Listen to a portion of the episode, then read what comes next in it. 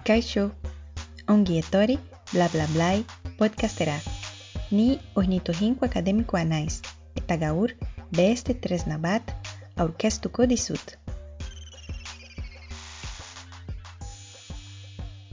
Europar batasuna sortu zutenetik, oso garantzitsua izan da azterketak eta agiri akademiko eta profesionalak bateratzea.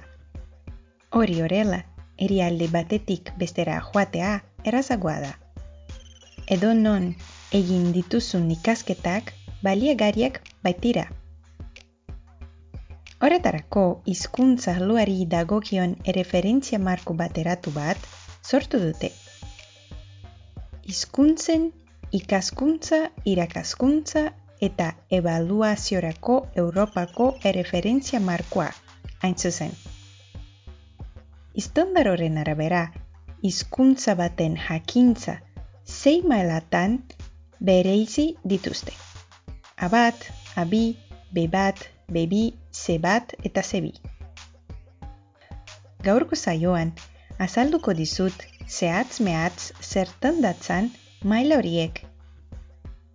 Hasi horretik gogoan izan behar dugu, marko horrek ez duela esaten zein ikasteko metodoak erabili beharko genituzkeen. Istandar horrek erakusten digu hizkuntza batean eta maila bakoitzari dagokion zer egiteko gai garen eta nola neurtu dezakegun gure aurrerapena. Beraz, oro har, informazio horiek baliagariak izaten dira irakasleentzat eta material didatiko eta kurikulumak prestatzen dituztenentzat baina zuk ere zeure kabuz kontuan hartu dezakezu tresna hori zeurikaz prozesuaren gainean egoteko eta alik eta etekinik diena ateratzeko. Aurreko zaio batean, aipatu nuen zeure buruari helburuak jartzea oso garantzitsua dela. Erreferentzia markoaren eskalari begira, helburu linguistiko egokiak aukeratu ditzakezu. Jaraian azalduko dizkizut maila bakoitzarekiko zein gaitasun diren adierazgarienak.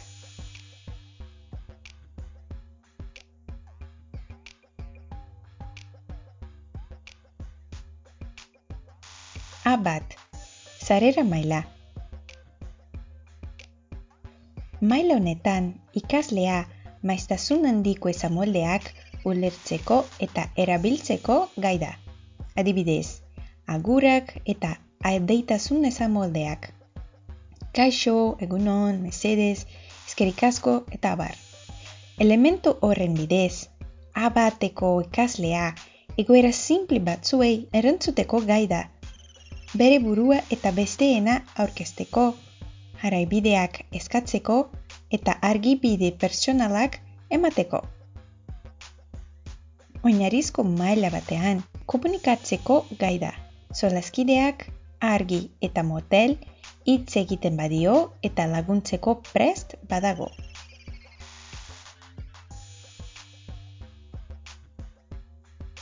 Abi, maila ertaina.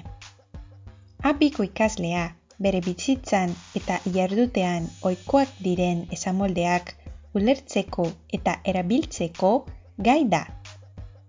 Hau da, norberaren nortasuna, familia, lanari buruz aritzeko gai da. Eguneroko jarduerari buruz mintzatzen da.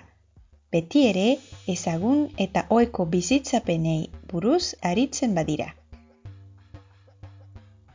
Ikasleak badaki bere iraganaz eta inguruneaz deskribapen erazak egiten, baita bere alako premiek adierazten ere.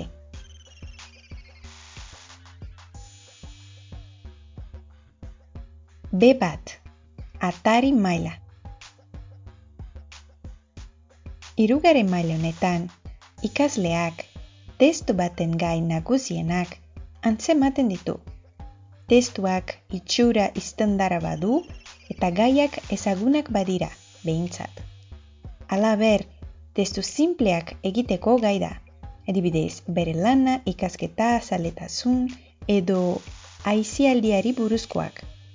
Bere bizipen, pasadizo, nahi eta xedeak azaldu ditzake.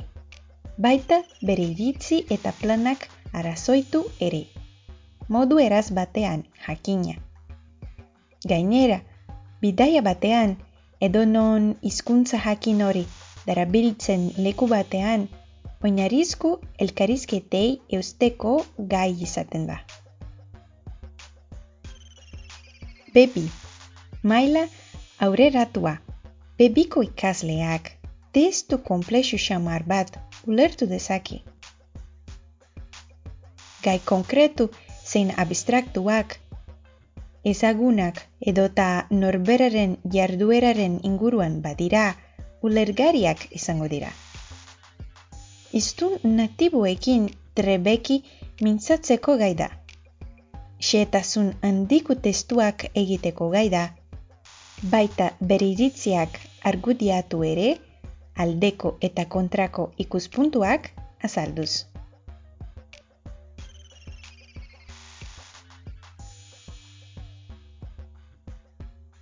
Ze bat, maila autonomoa. Ikasleak gai askotariko testu luze eta zailak ulertu ditzake. Baita testu inguruaren esan nahi implizituak ondorioztatu ere.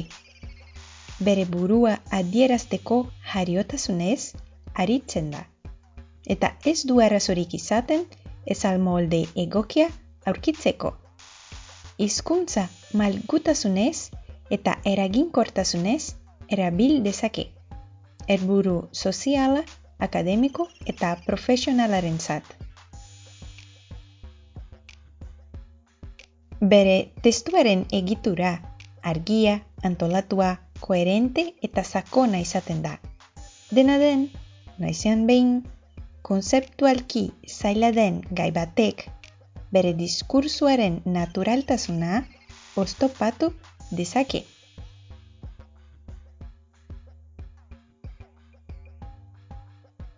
Zebi, maila garaiena. Zebiko ikasleak entzuten eta irakurtzen duen ia guztia aizez ulertzen du. Ituri askotariko argudioak osatzeko eta arazoitzeko gaida, idatziz naiz haoz.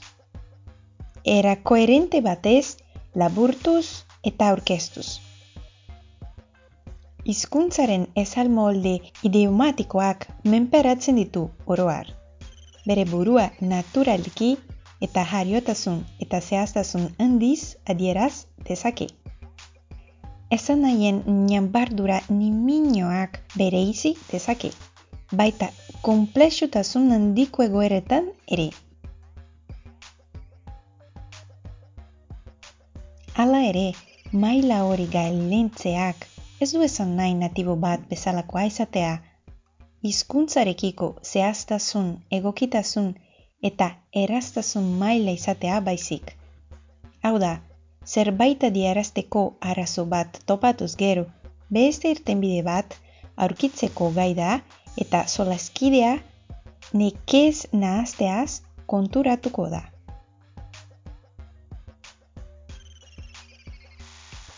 Bukatzeko, zai honetan, maila horien ikuspegi orokora aukestu dizut. Baina markoaren testuan aurki dizakezu argibide konkretu eta sakonagoak.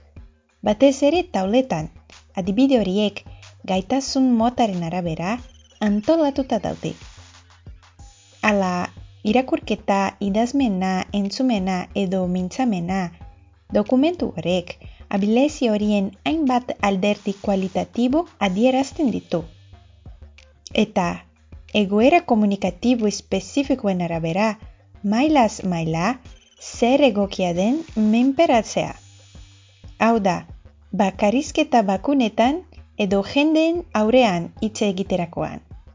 Idazkera orokorean edo kreatiboan, txostenetan edo artikuluak egiterakoan den dena azalduta dago. Ziur nago, argibide horiek zure helburu linguistiko erabakitzeko lagungariak izango direla.